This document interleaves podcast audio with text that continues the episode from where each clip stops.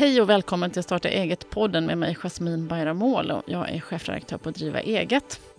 Eh, idag ska vi prata om vilka möjligheter man kan få som företagare om man är lite mer inkluderande. Och hur kan människor som inte riktigt vågar tro på sin framtid ändå hitta sin motivation?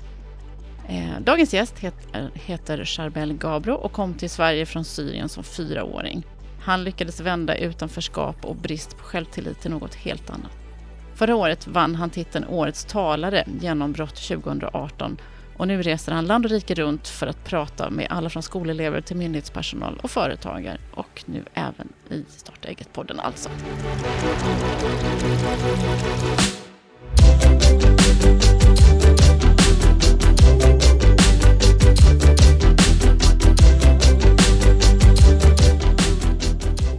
Vilka möjligheter kan man som företagare få om man är lite mer inkluderande? Och hur kan människor som inte riktigt vågar tro på sin framtid ändå hitta sin motivation? Det ska vi prata om idag i Starta eget-podden. Dagens gäst heter Charbel Gabro och kom till Sverige från Syrien som fyraåring. Han lyckades vända utanförskap och brist på självtillit till någonting helt annat. Och förra året fann han titeln Årets talare genombrott 2018. Eh, nu reser han land och rike runt för att prata med alla från skolelever till myndighetspersonal och företagare. Välkommen Charbel! Tack så jättemycket! Hur mår du idag? Jo, men jag mår bra och jag känner mig... Jag känner mig nyttig, jag vet inte om det är rätt ord, men jag har åkt sparkcykel hit. Eller så här elgrejer vet du. Ja. Så jag har varit väldigt, väldigt miljövänlig idag och det gör så att man kan sträcka på sig och man känner att faktiskt jag, jag bidrar. Du bidrar, ja. En dag bidrar Men jag. parkerar den ordentligt så det inte är någon synskada som snubblar? Väldigt nära väggen. Ja, vi för att jag för det. har stört mig själv på när man ser det. De är överallt. De är överallt. Ja, det, är som, det, det, är helt, det är nästan så här löjeväckande att det kan bara explodera på det viset. Ja. Vi ska inte prata om sådana idag. Nej, nej. Vi ska prata om något helt annat. Eh, Du kom till Sverige när du var fyra år gammal. Mm. Då kom du tillsammans med mamma, pappa och dina sex syskon. Minns du någonting från Syrien?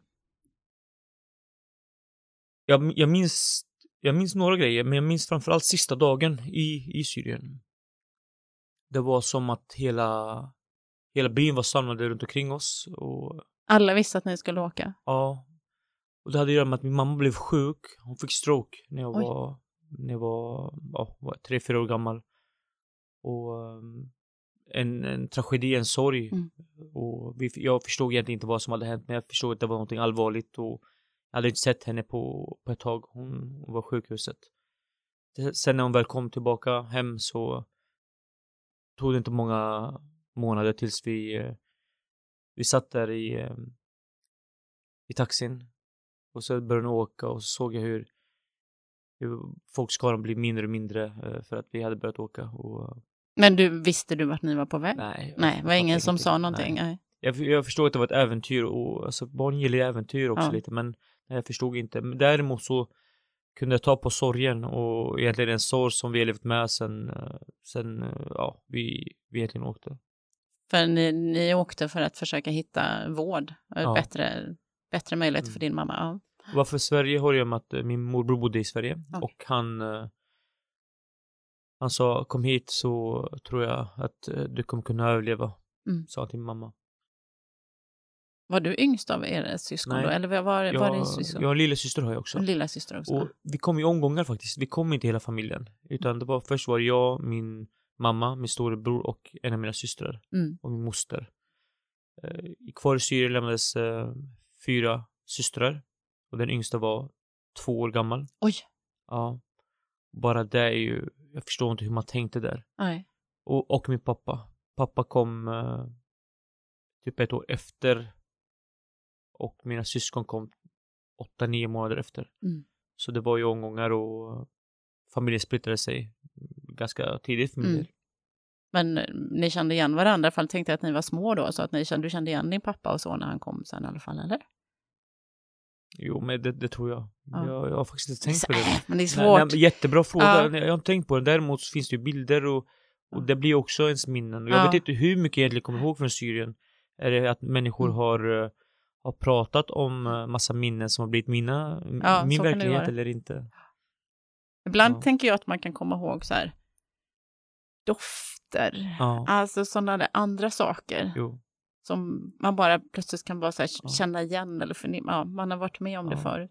Nej, men alltså, och framförallt känslan känner jag igen och, Mm. och, minns som att det var igår. Eh, Och därav tror jag att jag är ganska avskalad när sorg eh, kommer in på. Mm. Jag gråter sällan på begravningar och eh, när något tragiskt händer så är jag, jag vet inte om jag är om jag är iskall eller om jag är väldigt bra på att tackla saker och ting. Jag vet inte om det är styrka eller om det, om det är svaghet. Det kan nog ha att göra med vad, vad som hände med oss som Mm. barn, eller med mig som barn Mm. framförallt. Man kanske inte fick, eller det kanske inte funkade att ta ut alltihopa. Det kanske skulle bli för mycket. Ja. Ja, och i, Det är i, svårt. nej, och i sorgen finns det också att eh, vi, vi gör på olika sätt beroende på, det, beroende på kultur. Vi, Mm. vi sörjer väldigt mycket kollektivt med varandra. Mm. Och man stöttar varandra och man är aldrig ensam. Men får ju aldrig prata om saker och ting. Ingen har ju frågat mig hur, hur jag har mått Nej. av att min mamma blev sjuk eller att vi, vi faktiskt kom till Sverige.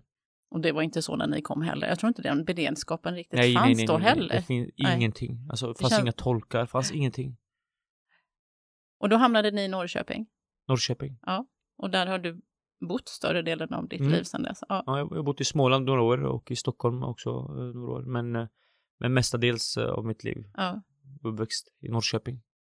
Hur blev livet då? Dina föräldrar tänkte att de skulle skapa en bättre framtid Mm. åt er här också. Blev det så?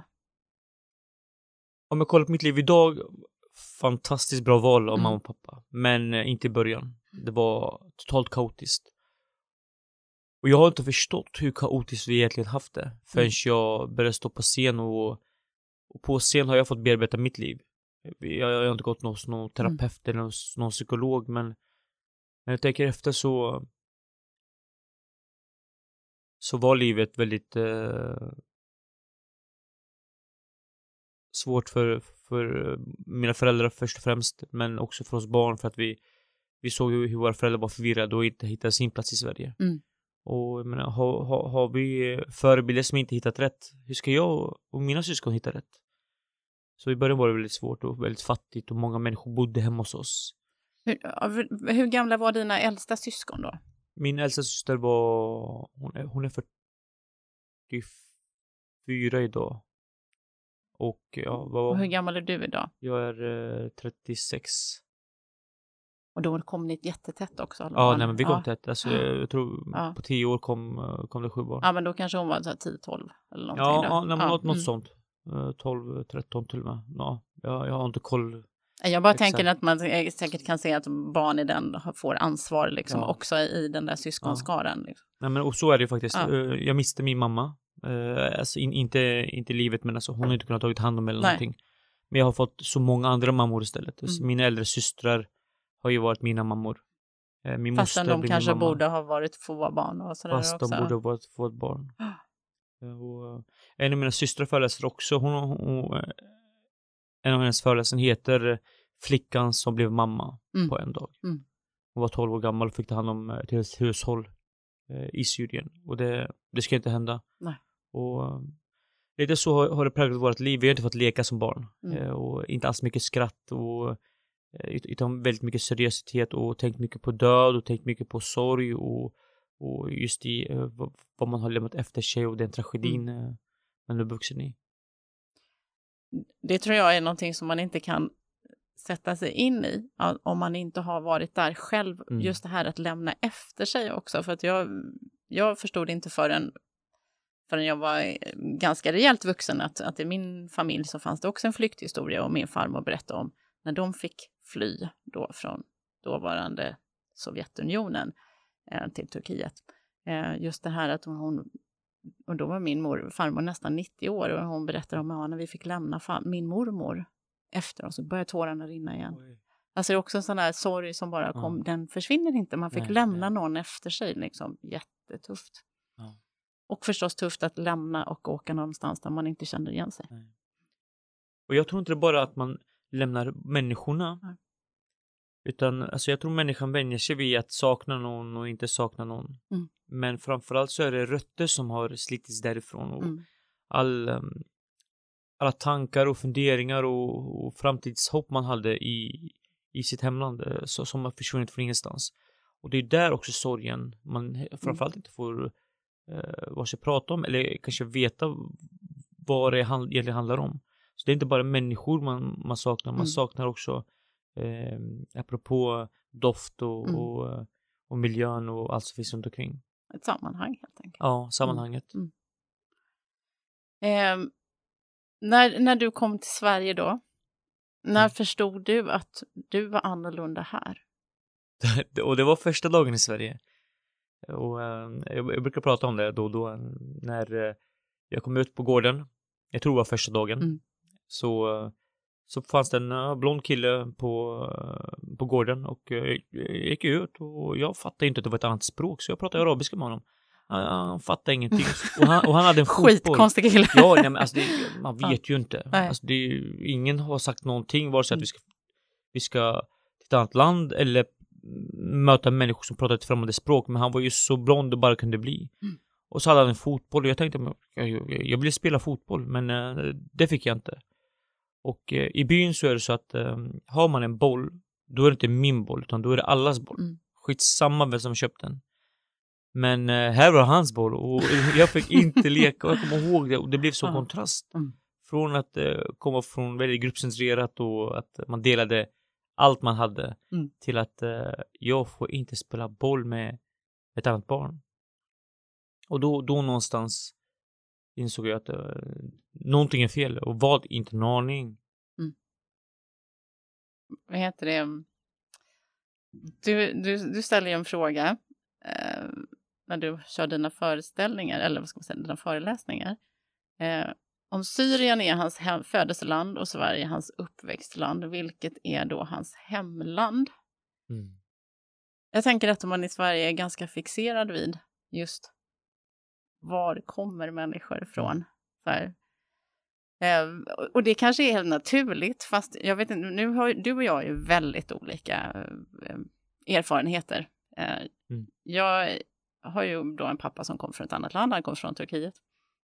Och jag har ju fått den här frågan hur många gånger som helst. Var kommer du ifrån? Du ställde ju den också. Och jag ja, bara så här, så här, Och varje gång så blir jag så här, jag blir så ställd för jag vet inte riktigt hur jag ska svara på den mm. frågan. Eh, jag vet ju vad folk förväntar ja. sig för svar, att man ska säga då ett annat land. Eh, men jag är ju född här. Ja. Och jag har ju en förälder som också är född här. Eh, ska jag svara att jag kommer från ett land där jag faktiskt bara varit som turist? ja. lite då och då och där mm. jag inte heller kan tala språket. Eh, eller ska jag liksom svara då eh, att jag är från Turkiet bara för att det är det de förväntar sig, för då blir de nöjda med svaret de får. Liksom, de kan ta det till mm. sig. Så, mm. ja, och så håller på på sådär. Och sen så, sen så bara bestämmer jag mig någon gång, så äh, jag, är från, jag kommer från Göteborg. Alltså det är ju där, det är där jag är. Ja. men jag kommer från Göteborg. Kommer jag alltså, vad ska jag säga att jag kommer ifrån? Jag är född där, det är där jag har vuxit upp. Det är där jag kommer ifrån.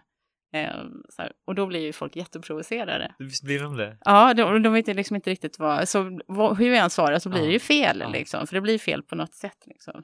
Och sen så då, för länge sedan så jobbade jag på en kvällstidning och så skrev jag en krönika om det där och att, och att det är någonting med ordet invandrare som stör för mig. För, det, för mig låter det som ett verb. Alltså, lite så här, man vandrar in, man håller på och vandrar in. Vi pratar om att man vandrar in, den första generationen vandrar in, den andra generationen vandrar in, den tredje generationen vandrar in och man undrar så här, när har jag kommit in då? Ja. När är jag inne? Ja. Det har jag fortfarande inte fått något svar på, liksom, för jag är fortfarande invandrare då, är andra generationens invandrare. Um, ibland tänker jag så här, ja, men är, det, är det någonting där som också ställer till det? Att man, mm. ja, hur men, man benämner saker. Jag, alltså jag, jag, jag förstår din, ehm, din farfråga också i ett, att folk ställer frågan. Ja. Och där kanske man kan hjälpa människor och ställa frågan, men hur menar du? Menar du vad är för ursprung eller vilken stad jag är? Eller vilket område? Och jag är inte den person som tar åt mig. Alltså man Nej. ser att jag inte är svensk. Man, alltså, ja, det ser man ju på mig också. Ja, och det, det är kanske därför man också reagerar. Men jag, jag, jag, känner, jag vet ju vad det heter efternamn också. Mm. Och bara där, mm. jag, jag tänkte det finns någon koppling till Turkiet, tänkte jag. Eh, men... Eh, när jag, när jag känner att det inte finns en fördom bakom, när jag inte, inte känner att ja, men det är någon som vill sätta dit mig eller någonting sånt, Mm. då säger jag men jag, jag är syrian från Syrien. Jag är inte syrier, är jag Nej. inte, utan jag är syrian från Syrien. Jag är född i ett land, men, men Syrien är inte heller vårt land. Mm. Men jag vet, när jag känner att det är någon som eh, har lite, lite fördomar eller, eller ställer frågan för att bara provocera, då, då, eh, då älskar jag att provocera. Då säger jag, men jag, jag är från Norrköping. Ah, nej, du men jag menar, aha, okej, nej, men jag är från Klockatorpet. Nej, jag menar så, aha, okej, du menar, eh, vad menar du då? Mm. Ja, vilket land är jag från? Ja, Jag är från Sverige. Du då? Bara för att Ja. jag ska markera att eh, det spelar ingen roll vart jag är ifrån. Nej. Men sen vet jag att många stör sig direkt på frågan. Och, och det, jag tror det har att göra med hur mycket man har landat själv i Mm. saker och ting. Det finns inget rätt, rätt eller fel. Här har jag haft en jätte, alltså jättemycket diskussioner kring, kring folk. Också många som är eh, kanske adopterade har, har svårt med den här frågan. Mm. Vart är du ifrån? Då säger de, nej men jag, jag är svensk. Jo, men vi ser ju, nej men jag, jag är svensk och jag känner mig som en svensk. Men när är man svensk egentligen i frågan? Mm. När är man svensk? Handlar om eh, vad jag har på, eh, på alltså, vilka papper jag har, vilket pass jag har, Mm. eller handlar om vad jag känner mig, eller eh, vilka mina vänner är. Och, och det är bara, det är relativt tror jag. Men vad är det för dig då? Eller har du kommit fram till något svar? Alltså tidigare har jag känt mig väldigt delad. Mm. Eh, Jag har inte vetat vad jag är. Är är jag syrian, är jag svensk, är jag 50 procent? Och jag tror som liten kan man känna sig väldigt splittrad. Mm. Idag som vuxen, jag har fått jobba väldigt mycket med mig själv. Också mycket tack vare scenen och många människor Mm. runt omkring mig. Och jag vet idag vad jag är. Och jag, jag är 100 procent syrian. Och 100 procent svensk. Alltså har jag 200 procent. Ja, det är 200 Det är jag Dubbelt. det är dubbelheten, det är jag och Zlatan, det är vi. Och, det, och vad, vad jag menar med det, det, det är klart det, det är mycket humor i det. Mm. Det är när jag kan ta det bästa av båda världar. Mm. För jag har förmån att kunna göra det. En svensk kanske inte kan ha en förmån att ta det bästa värde av, av den syrianska kulturen för att eh, han eller hon kanske inte vet om den. Och där och så blir det till en styrka för mig då. För det är ju här ibland som jag tänker att man ofta när man pratar om invandrare så är det alltid så problematiserat. Liksom. Man Mm. utgår från en problematiserad Ja. bild. Det är Tyvärr. svårigheter som ska överkommas på något sätt. Man ser inte den här styrkan som du säger nu, att du har, du har ju faktiskt tillgång till 100 procent till Ja. då.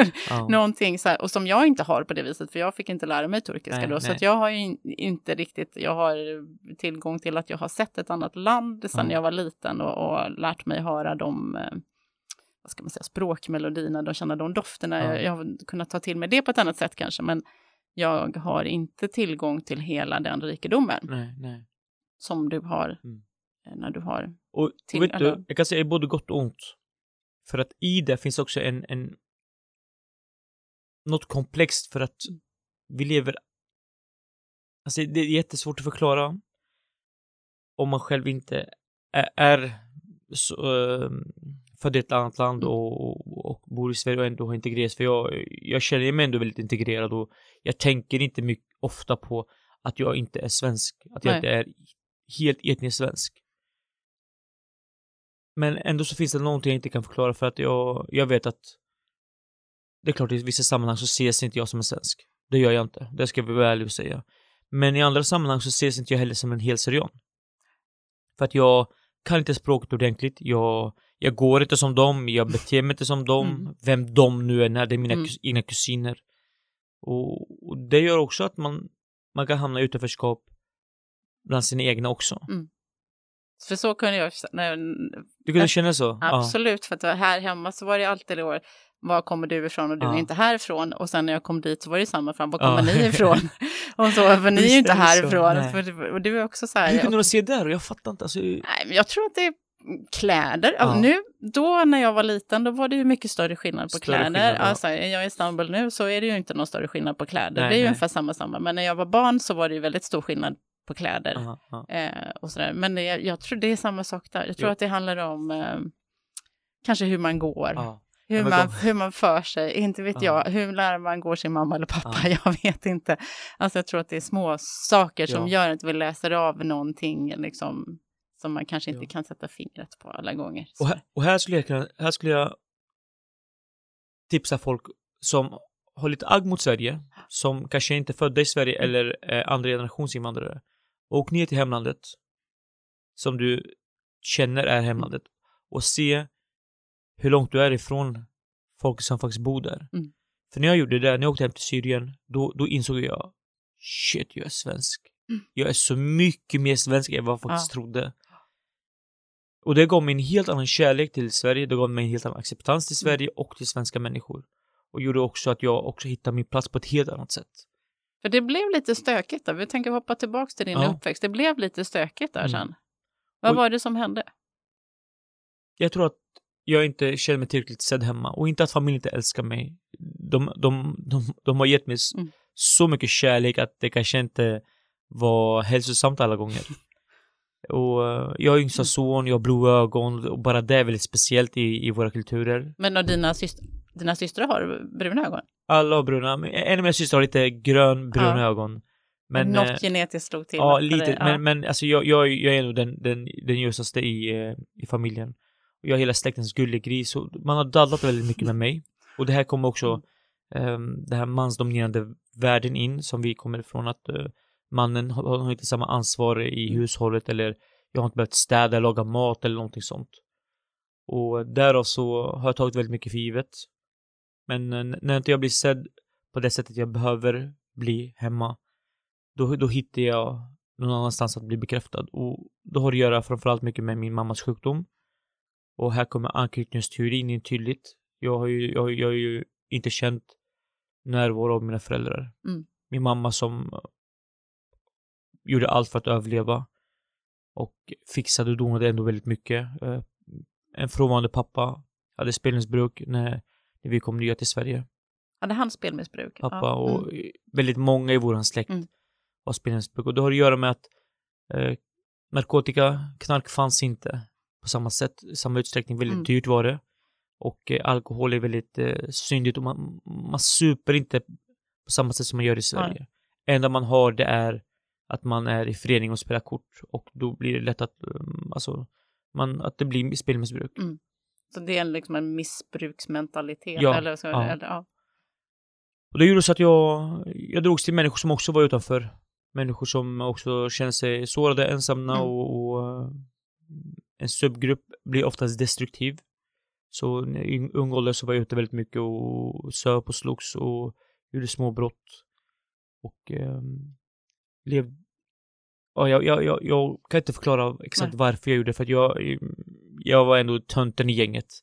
Mina grabbar, mina kompisar var stora och starka. Jag, jag behövde aldrig bråka. Jag, jag startade alla bråk. eh, Med att jag var kaxig. Jag fick en smäll eller en knuff och så kom mina Så kompisar tog och de slogs. över Ja. sen? Och, Och eh, det, det formade ju mig till att vara en person som skulle vara i käft. Men inte behövde använda mina knytnävar. Väldigt feg person måste jag säga. Mobbade mycket och, och gjorde så att folk blev väldigt sårade och kunde trycka ner folk. När jag kom upp, till eh, 20-årsåldern så fick jag själv spelmissbruk. Och eh, spelade bort sjukt mycket pengar. Jag hade spelbutik när jag, när, mellan 20 och 22 år ja, du, för du, du köpt, köpte du en butik då? Eller en Ja, kiosk? eller familjen hjälpte ja. till med lite pengar och så uh, jobbade och betalade av alltihopa. Men under två års tid så spelade jag bort uh, ja, miljoner. Jösses. Och för mig så... Var det någon som fattade det? Nej, Nej. Min, min bror förstod. Och, eh, men det, det var inte pengar utan det var bara siffror. Och jag har aldrig haft respekt för pengar sedan den dagen och jag har fortfarande inte respekt för pengar. Och inte att jag skiter i pengar men Mm. Pengarna driver inte mig någonstans idag. Mm. Och hade inte jag fått det här spelmissbruket så hade inte jag kunnat göra det jag gjort idag. Jag har verkligen fått eh, förståelse att möta människor som lever i missbruksproblematik.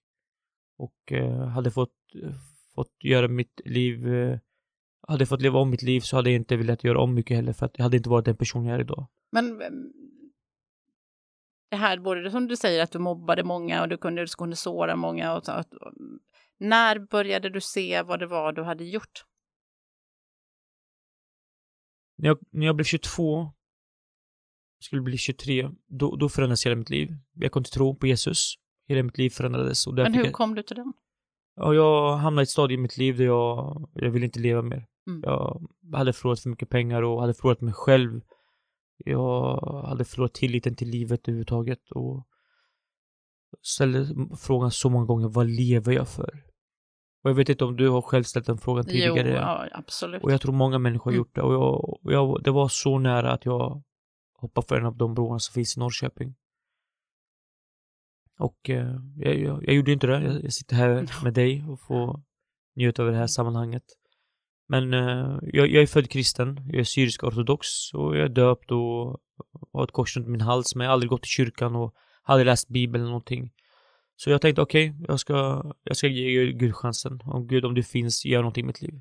Jag vill inte vinna tillbaka mina pengar, jag vill inte få den snyggaste tjejen. Jag vill inte bli fotbollsstjärna, jag vill inte ha något, utan ge mig bara mening med mitt liv. Jag bryr mig inte om någonting annat. Jag somnade, jag vaknade och hela livet förändrades. Bokstavligt talat. Ja. Alltså, du somnade och du vaknade och hela livet förändrades. Jag vaknade och livet förändrades. Och jag, jag jag kunde klä det i ord, men det går inte. Jag önskar jag kunde rita upp det, jag önskar jag kunde förklara eller göra en formel av det för att Ja. kunna ge till andra människor, men det går inte. Det var som att du, om jag tolkade det rätt, det var som att du, du bad till Gud dagen innan och sen dagen efter så kändes livet Mm. annorlunda. Ja, fantastiskt. Ja. Mm. Och jag, jag, jag har aldrig sett Gud och jag kan inte bevisa Gud. Nej. Och det, här- kommer ju tron in. Alltså, tron, din övertygelse. Det, det, det, det är ingenting jag, jag kan bevisa för någon annan människa. Men största beviset för mig var ju att det hat jag hade inom mig, mot mig själv, mot andra människor, det omvandlades till, till total kärlek. Att den dagen vigde jag mitt liv åt att hjälpa andra människor. Andra människor som, som själva var i samma situation som mig eller som känt sig utanför. Och, Mm. och jag visste egentligen inte vad, vad, vad det skulle leda till. Visste inte att jag skulle göra det jag gör idag eller att jag skulle uh, jobba med människor i, i, så många år som jag gjort. Mm. Och det var, det var typ 14 år sedan idag. Du gråter. Ja, faktiskt jag gör det. Och jag, jag brukar inte göra det. Jag pratar Ja, så du många gånger om... sa ju alldeles nyss att du, att du nästan hade stängt av. här. Ja, nej men jag är lä- lätt för tårar, eh, lyckotårar, men, men det här, jag vet inte vart det kommer ifrån, för jag, jag, jag brukar föreläsa om mitt liv. Mm. Alltså, det här är ju en del av hela min karriär, att jag Mm. har stått på scen och, och berättat om eh, mina svårigheter, men eh, mm, ja, jag, jag vet inte, tårarna kan komma då och då. Ja. Let it flow. Det är Ja, väl härligt. Ja, nej, men, det, Och det, men, men vad gjorde du? För sen började du läsa teologi, Ja. eller hur? jag flyttade till Oskarshamn, började plugga bibelskola Mm. och eh, där handlar egentligen inte om bibeln, det handlar om att jag fick lära känna mig själv. Mm. Jag, jag flydde för Norrköping, inte från någon annan utan från, från mitt gamla jag. Mm. Och eh, under fyra års tid så fick jag bearbeta mitt liv totalt. Och fick alltid en och samma fråga i, min, i mitt huvud. Så, som en som en röst från ovan, Charbel. Vem vill du vara? Jag vet inte vem jag vill vara. Jag har alltid velat vara pajasen eller jag vill vara clownen eller jag vill vara en person som, som bara gör allt för att folk ska tycka bra om. Men eh, på ett ärligt sätt så kom jag fram till, till det här en, en dag. Att jag vill vara jag vill vara god. Jag vill vara så totalt genomgod att människor får tycka att jag är helt dum i huvudet. Att jag är helt konstig, att folk tror att jag, jag vill någonting. Vad jag vill är att jag vill ge tillbaka den kärleken jag, jag själv fått, fått, fått möta.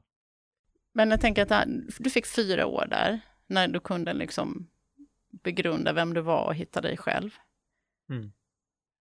Tror du att det är någonting som andra får med sig i sin uppväxt? Om man får en uppväxt under lugnare omständigheter, tryggare omständigheter? Ja. En- Enkelt svaret ja, Ja. det tror jag. Och eh, jag tror här spelar miljön jättestor roll. Så jag, jag, jag har haft ett eget rum. Nej. Alltså jag har delat säng med min bror tills han blev 13 år. Mm. Och alltså bara det är ju, alltså det, det, det är ju dysfunktionellt. Men det, det, Fast i många, i många kulturer ser det ut så. jo, men inte, Nej, nej. inte i Sverige Nej. i den miljön när vi vet att, att eh, min kompis Timmy hade ett, ett eget rum. Mm. Jag fick dela rum med, med massa människor och, fick, Och ni tog dessutom emot flyktingar i ert hem först, har jag förstått. Ja. Ja. och, och det har ju präg- präglat oss på många olika sätt. Alltså det, återigen, det är mycket tragedi där. Men allt det som har hänt har ju format mig och mina sex syskon till att vi är de vi är idag. Det är att alla vi, alla vi, vi syskon jobbar med, med, med människor eller med integration. Mm. På, på något sätt. Och eh, det är ju mer för att vi har sett vad vi själva behövde. När vi var nya och när vi var små och det, det ger vi tillbaka. Det är lite som att sluta cirkeln, Ja, jag också. men cirkeln Ja. slut och den, får, den sluts på så många olika sätt.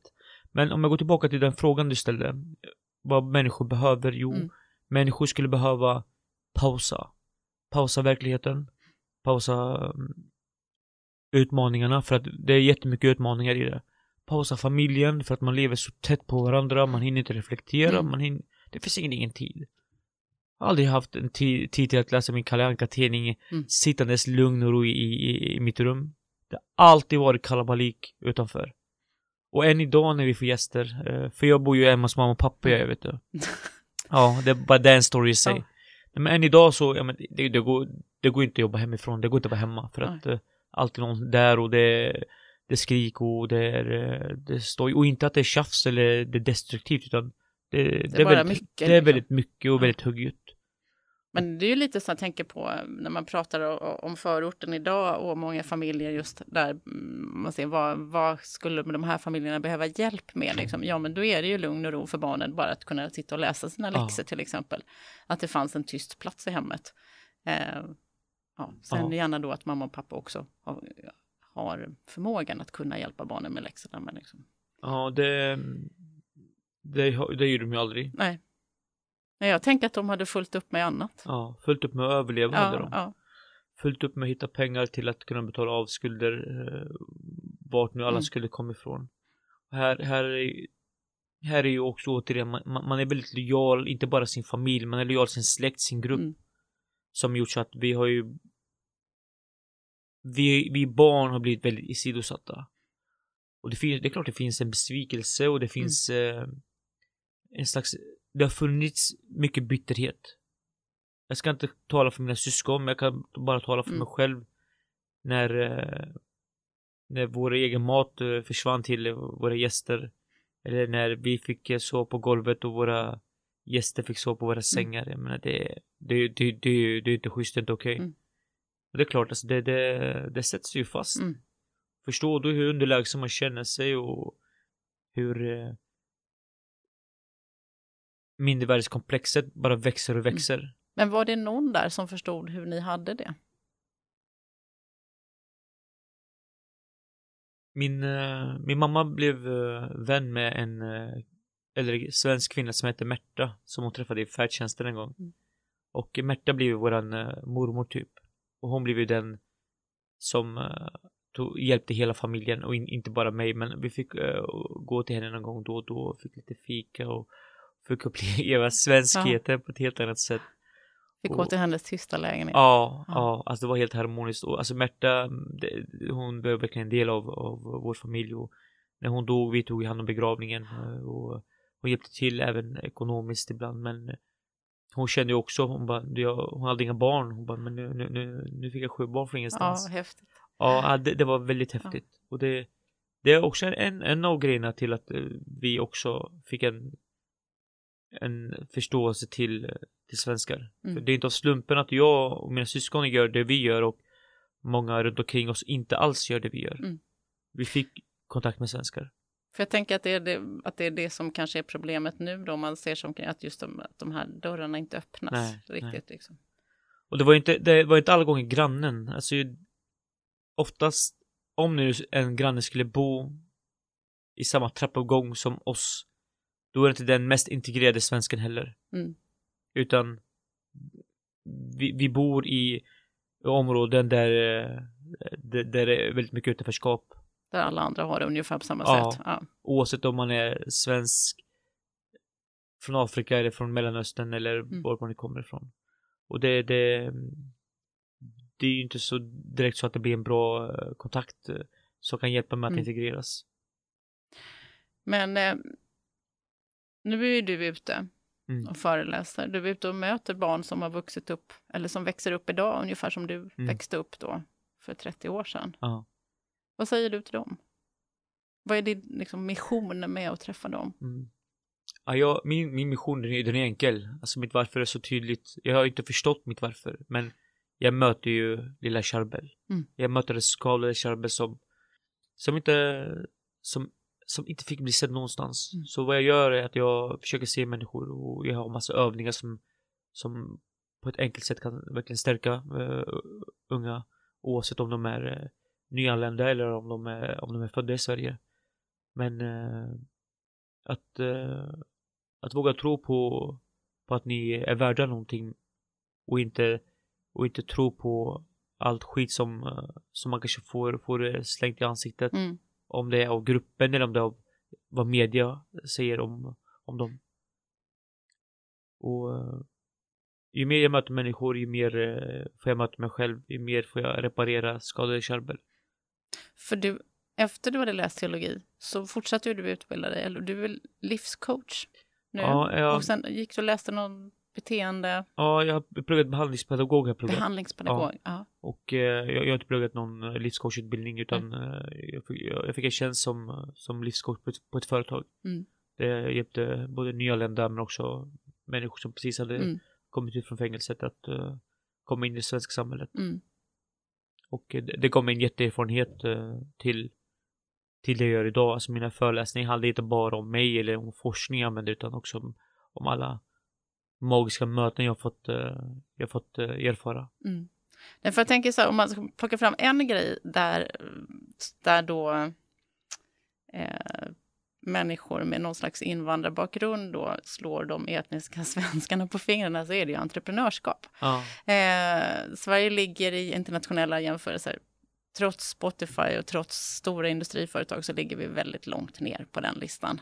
Eh, medan eh, om man tittar på befolkningen som helhet då, eh, hur många som driver företag och hur många som... Ja, utan då är det ju många andra länder som ligger långt, långt över. Jag kan tänka mig att Syrien är en av de... eh, Jag för, försökte hitta Syrien på den listan, jag hittade inte det, men jag kan tänka mig att de ligger före Sverige också. Eh, och det kanske har att göra med, tänker jag, att vi har ett samhälle där som har varit väldigt bra på att ta hand om befolkningen också. Man har inte tvingats kanske då. Men eh, i många andra länder där det inte finns stora strukturer att lita tillbaka på så, så är man tvungen att skapa sin Ja. egen framtid. Liksom. Jo. Du valde ju också att hoppa Ja. av en anställning då och starta eget. Hur var det för dig? För mig var det mer att jag tröttnade på en av mina kollegor egentligen. Ja, nej men, och, Rent personligt ja, alltså? Ja. rent personligt. Jag är så tacksam att han, han eh, provocerar mig eh, till att jag bara, nej, jag, det, det, det funkar inte. Och eh, jag kanske är lite feg att jag inte gick, eh, att jag inte var kvar, för jag älskade verkligen mitt jobb. Ja. Eh, men eh, sen hade jag börjat få en kärlek till att börja föreläsa och, och samtidigt som jag fått höra lite då och då, "Ja, men Shabba, alltså, du är ju bra och ibland när jag jobbade i kyrkan i Sverige, alltså jag kunde fylla kyrkor, jag bara jag fattar inte, varför kommer folk och lyssnar på mig? Ja, jag förstod, jag trodde inte det var mig det handlar om, men Mm. Efter ett tag så insåg jag, men det Folk kommer ju inte när någon annan har det, utan de kommer bara när jag har det. Och eh, där någonstans insåg jag att jag, jag kanske har eh, talets gåva, om man nu får Ja. skryta om, om, om det. Det får man. Det, det tycker jag att man får. Ja, i Ante Sverige får man göra det eller? ja, nej men, Men du, du skulle faktiskt prata om att- att kunna motivera andra, för det är ju lite Ja. det som är, Jo. som är, det är väl det som är lite av din, eh, vad ska man säga, affärsidé ja, nu eller? låt våga människor möta sitt, eh, sitt varför egentligen. Och eh, det gjorde jag lite omedvetet, alltså att jag blev entreprenör har nog att göra med lite det du sagt. Min pappa drev ju lite butiker lite då och då, Mm. i och med att det var svårt att få jobb. Och eh, vi är nog inte vana vid det skyddsnät, trots att vi är dubbelvuxna i Sverige. Det finns ett fantastiskt skyddsnät i Sverige. Mm. Som inte finns i hemlandet. Och vi är programmerade på ett sätt. Utifrån vår egen uppfostran. Att du ska, om inte du får en bra utbildning, då får du skapa någonting själv. Mm. Och jag har alltid velat haft eh, eget, inte för att jag har tyckt om att eh, bygga bolag och så. Nu, nu är jag mer intresserad av det Mm. än, än vad jag var tidigare, men eh, kan det göra med att jag, jag känner att jag, jag, jag vill, jag vill eh, inte, inte hamna i det stadiet att eh, jag, jag måste sluta jobba på en plats som jag älskar för att en kollega tvingar mig till det. Eh, och jag, jag, jag, Jag tänker att vi ska inte gå in i Nej, exakt vad det var som det- hände Nej, där. och det, och det är skitsamma. Ja. Utan jag tror det händer många människor att eh, man tröttnar på en situation och då, då är det dags. Mm. När du är trött, Det blir Kör din grej, ja. sparken i andan som får mig att lyfta. Och, alltså det är inget otal, jag hälsar på den människan idag och jag tror inte att han förstår hur mycket det betydde att jag var tvungen att, att jag vågade ta steget. Så jag är väldigt tacksam eh, över, över det. Annars vet jag inte om jag hade gjort det, alltså Nej. på riktigt. Men vad ser du liksom, du sa att du är mer intresserad nu av att bygga bolag. Du, du startade trots allt eget. Vad hade du Ja. för uppdrag då? Egentligen inte så mycket. Jag hade för, en föreläsning kanske i månaden, inte ens det. Så Mm. väldigt lite uppdrag och Alltså, jag kommer ihåg när jag började säga till folk att jag jobbar som föreläsare. Alltså jag var ju som en mytoman kände jag. Vadå föreläsare? Det är inget jobb. Vad tror du att du är egentligen? Ja, Ja, vem är du? ja. Och du, när jag kom hem och sa till mina föräldrar att jag hade sagt upp mig, det var ju kalabalik, det var ju, det var familjemöte, vem är vadå? Du kan inte, du, du kan inte sluta jobba Ja. och, och vad, vad ska du göra då? Och så berättade jag, föreläsa, mamma kollar på mig, va? Du kan, du kan knappt läsa, vadå föreläsa? För de vill ju, som många andra Mm. föräldrar, de vill att jag ska bli läkare. Jag kom hem och säger, nej mamma, jag ska bli typ actor. Jag Ja. nej min son, det stavas doktor, inte aktor. och mamma, ja hon blev så... Och, och de förstår knappt än idag vad jag gör, trots att Nej. jag har vunnit massa priser och att jag är etablerad och, och att det går bra ändå. För hur många år sedan är det här nu då? Eller hur länge sedan är det du faktiskt tar upp det och startade eget företag? Tre år sedan. Tre år sedan. Ja. Mm. Hur har de här tre åren varit liksom?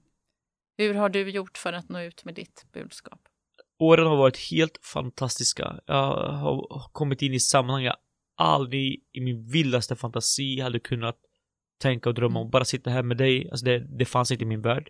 Jag tar det som en Ja, komplimang. nej, Tack. verkligen. Och eh, hur, hur, hur jag har gjort för att, för att, eh, för att lyckas, Mm. vad, vad nu framgång är. Jag, jag, jag ser inte framgång på det sättet. Eh, men eh, ett, så, så var det bra timing. Alltså i och med, i och med flyktingsvågen Ja, så så. hade jag valt rätt ämne. Och eh, sen att jag är ändå född i Syrien och att eh, jag också är väldigt transparent utav mig. Jag har jobbat med de här frågorna väldigt många år innan jag började föreläsa. Mm. Eh, både har jag föreläst ideellt i, i tio år innan jag började, innan jag bör- började ta betalt. Betalt. Så jag har gjort en eh, jag har värmt upp i tio år för att sen bli redo Mm. och då tajmades väldigt mycket.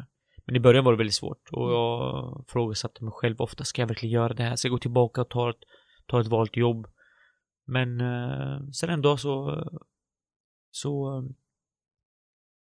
fick jag ett mail av en skola. Och jag bara, va? Hur hittar de mig? Jag fattar Ja. ingenting. Och då tänkte jag bara, oh, men det, folk är faktiskt intresserade. Men eh, min strategi, utan att, att haft en strategi, Mm. som jag har förstått senare. Ja, alltså. Faktiskt. Det, Ja. jag, jag är bäst på det.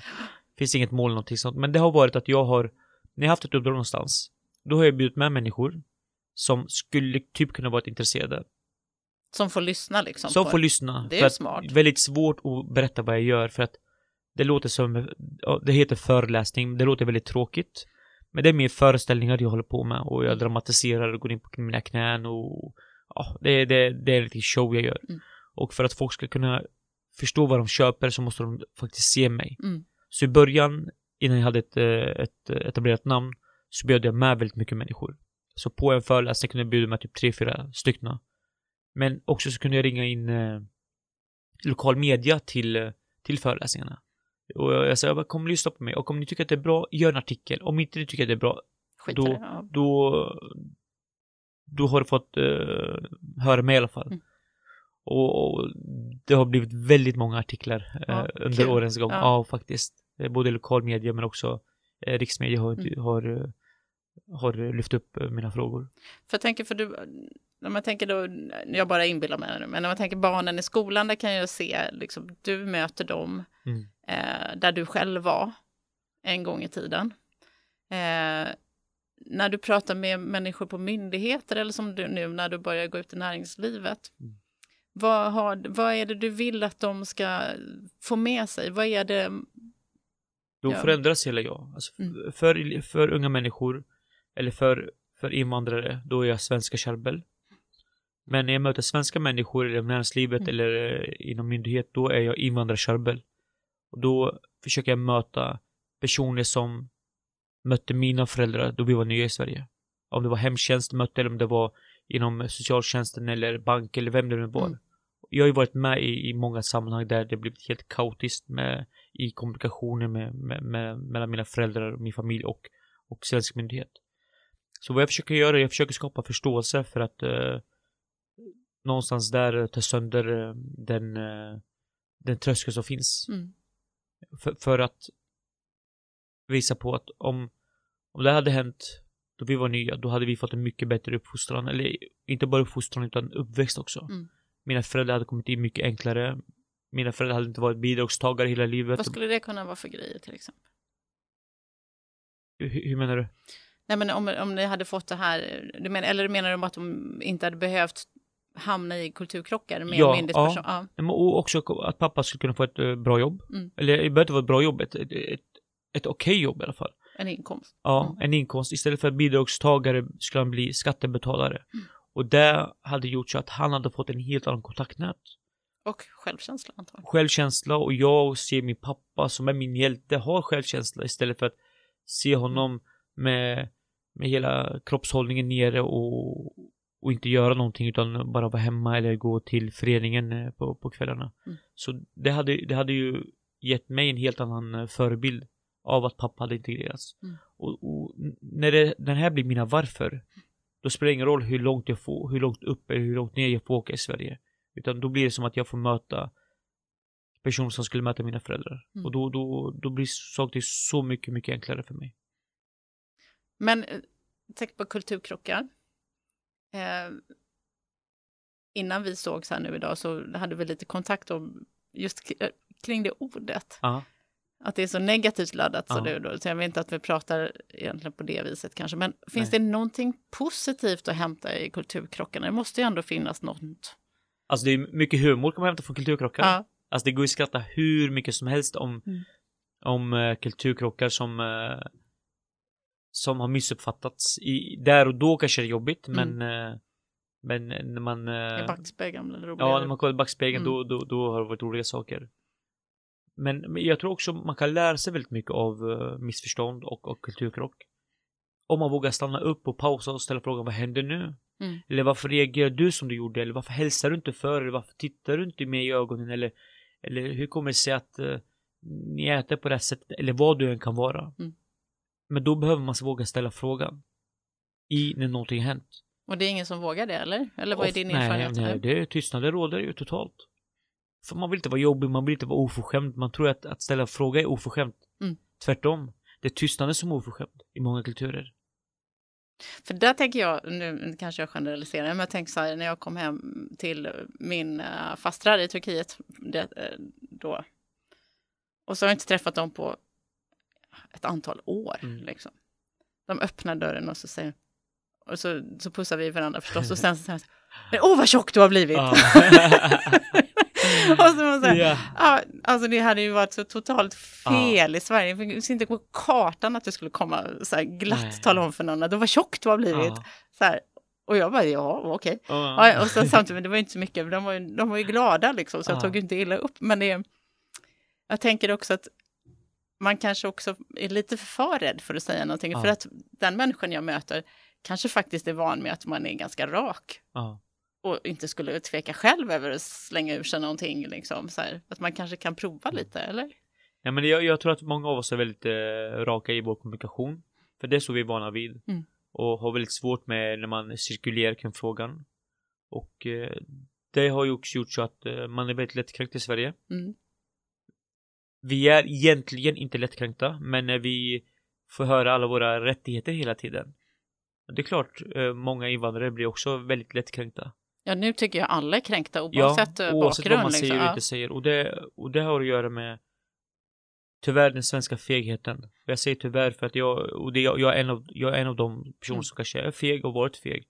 Att man kanske inte vågar säga ifrån, säga till. Mm. När, eh, när, när jag har jobbat med en målgrupp som kanske inte är så som, eh, som är som, som mig, där jag är ifrån, eller Mm. har min religion. För att inte bli kallad för kanske rasist eller för islamofob. Mm. Men ju mer tyst man är, ju värre blir det för Sverige. Och är det någonting Sverige har brustit i, det är tystnaden. Att inte våga stå för saker och ting, att inte våga säga ifrån, att inte Mm. på- ett kärleksfullt sätt, inte att man, alltså, man ska inte, man ska inte straffa folk eller någonting men man behöver vara tydlig med vad den svenska lagen säger. Man behöver vara tydlig med vad, vad, vad som gäller här. För vi är inte vana vid att ha rättigheter. Mm. Däremot vet vi våra skyldigheter i hemlandet. I Sverige, vi får helt plötsligt rättigheter och kanske inte tänker alla gånger på våra skyldigheter.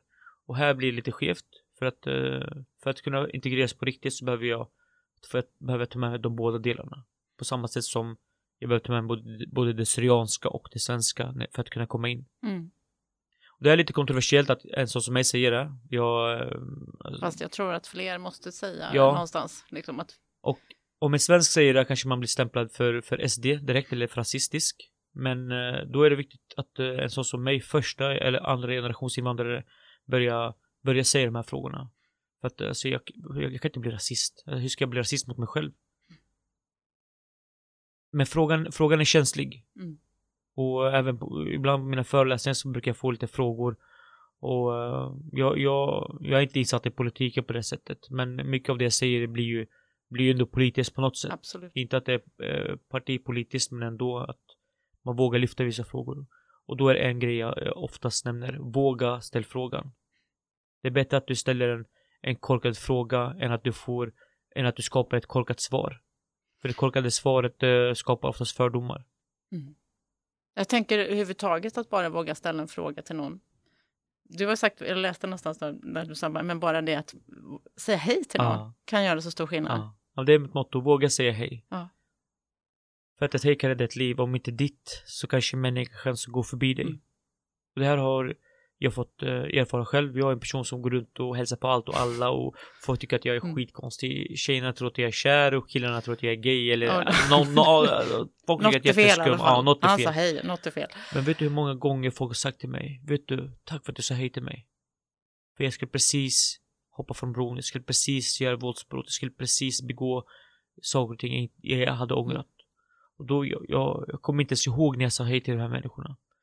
Och eh, därav så har det blivit mitt motto. Våga säga hej, det är gratis, kostar ingenting. Det kan jag tänka på dig som där du sa som barn att du inte blev sedd. Att säga hej är att visa att man ser någon bara, även om det bara är någon som passerar. Verkligen. Mm. Och eh, jag, jag tror alla vi människor, vi, vi vill bli sedda. Mm. Och vi vill bli omtyckta. Och på ett bra sätt, inte på ett dåligt sätt. Men blir vi inte sedda på ett bra sätt och då går vi tillbaka till vad jag har varit med om själv. Att jag hittar, hittar något destruktivt och, och då får jag min plats eller jag får min roll någonstans. För jag tänker, det finns ju hela tiden, man pratar ju mycket om rädsla för olikheter och det man inte känner igen och det som man inte känner sig trygg med liksom.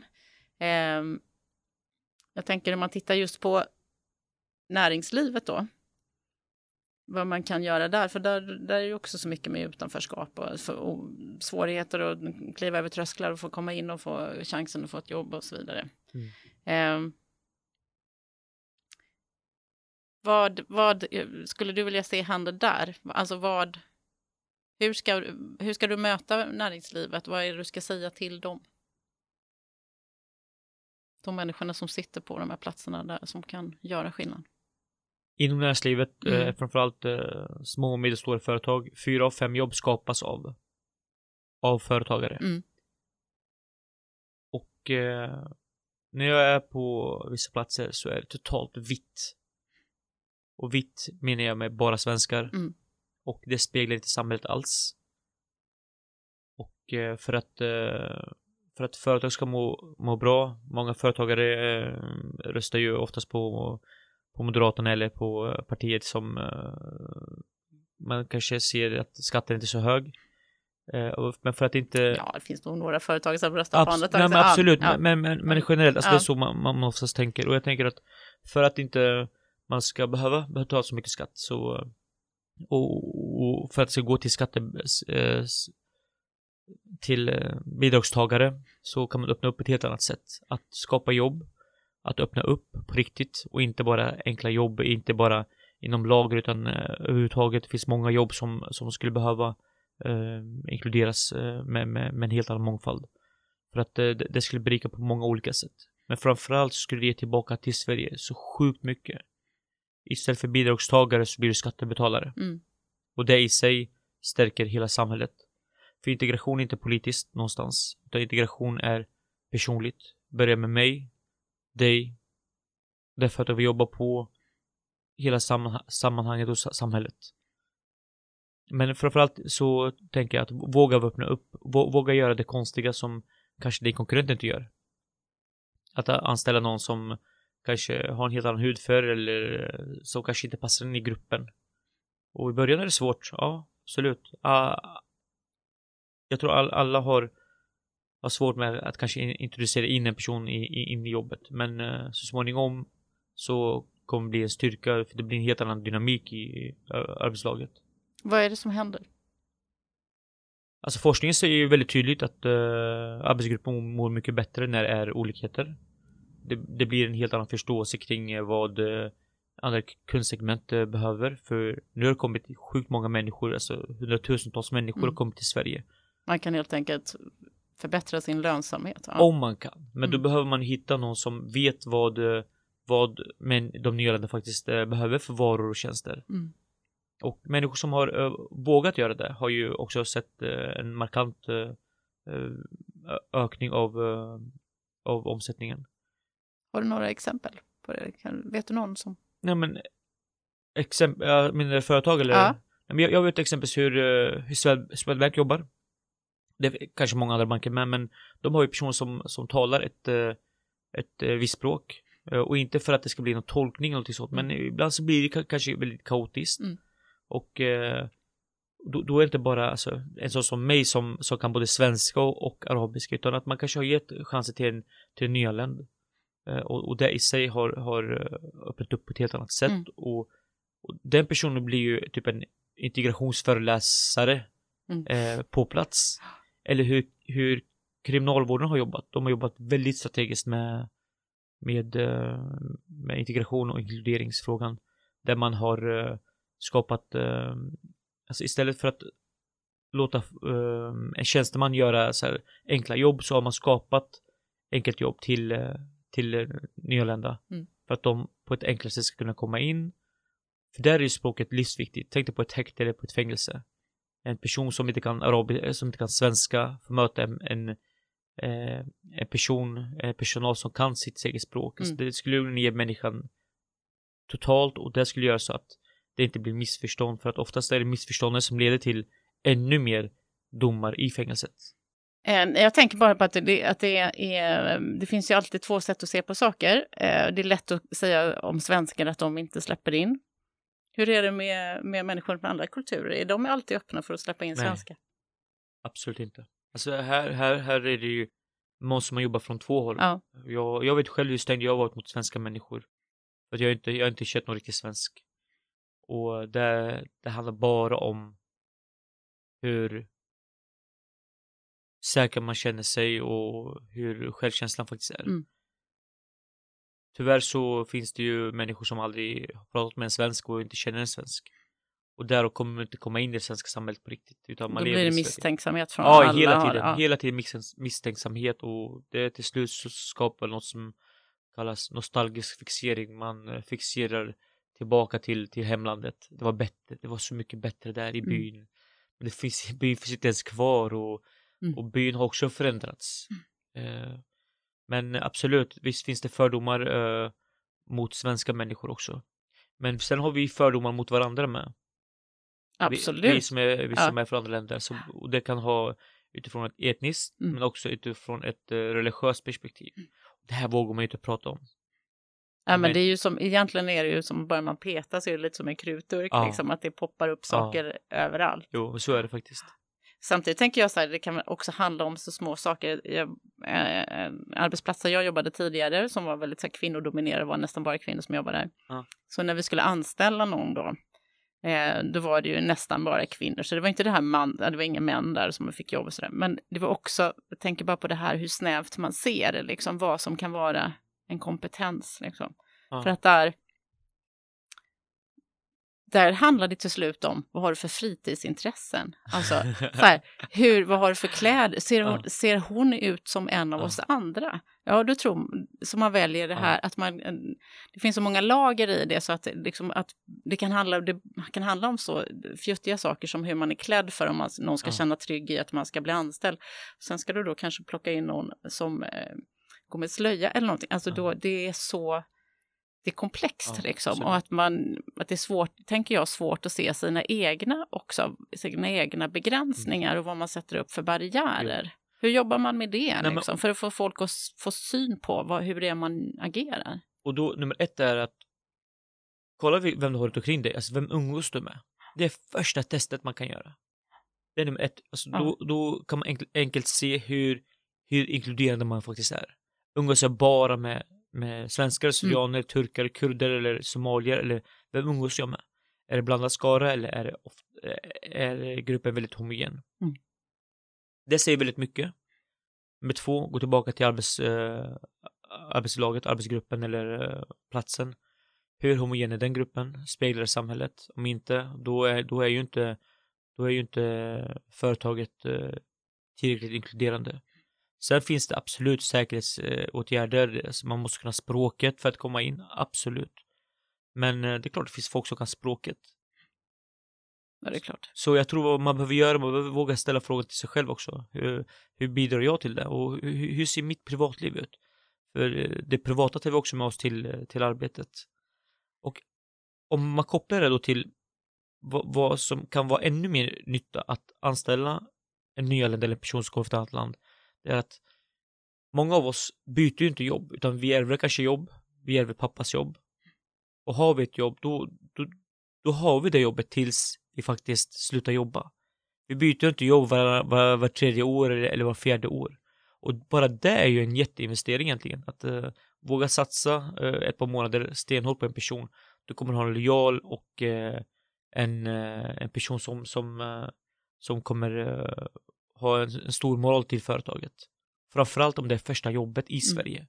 Det kommer bli ens familj. Och uh, bara där kan man uh, tänka väldigt mycket långsiktigt och då kommer hållbarheten också in i mångfaldsfrågan.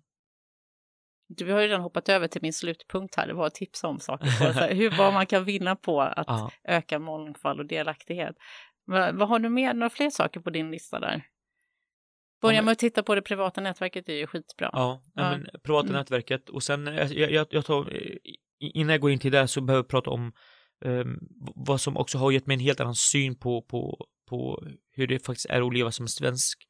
Min, uh, min mentor, han heter Leif Eriksson. Han är 65 år gammal, jobbat inom Sveriges Radio typ, jag vet inte hur många, han har varit mm. chef i typ 30 år. Och uh, vi, vi, vi började hänga ihop för två år sedan och en helt ny värld har öppnat sig för mig. En helt ny värld. Han är, mm. han är en ren historiebok och, och då har jag in, inte haft någon så stor koppling till, till svenskar. Trots att jag bott i Sverige så många år. Mm. Men han har fått med sig någonting han aldrig kunnat drömma om heller. Trots att han har varit i många länder och jobbat utomlands så har han fått komma hem till oss, sova hemma hos oss och fått äta mammas och pappas mat.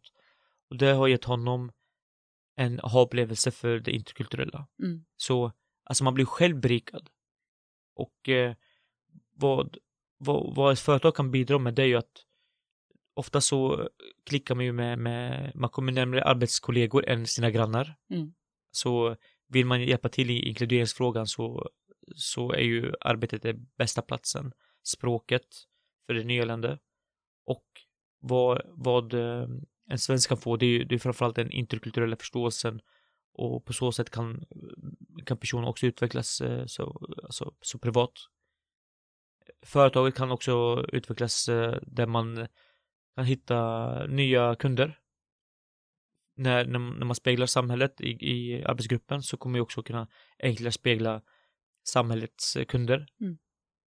Men att eh, forskningen säger att, eh, att det blir mycket bättre arbetsklimat för att olikheten, den, den berikar. Och eh, ju, ju, mer olika vi är, ju, ju mer, eh, ju bättre lekar kan vi, kan vi egentligen leka. Och där tänker jag utifrån mitt, fot, mitt fotbollstänk. Alltså 11 Zlatan funkar inte i ett lag. Du behöver någon riktig krigare i mitten, du behöver någon strateg eh, någonstans, behöver en bra målvakt. Eh, Zlatan hade inte kunnat göra allting.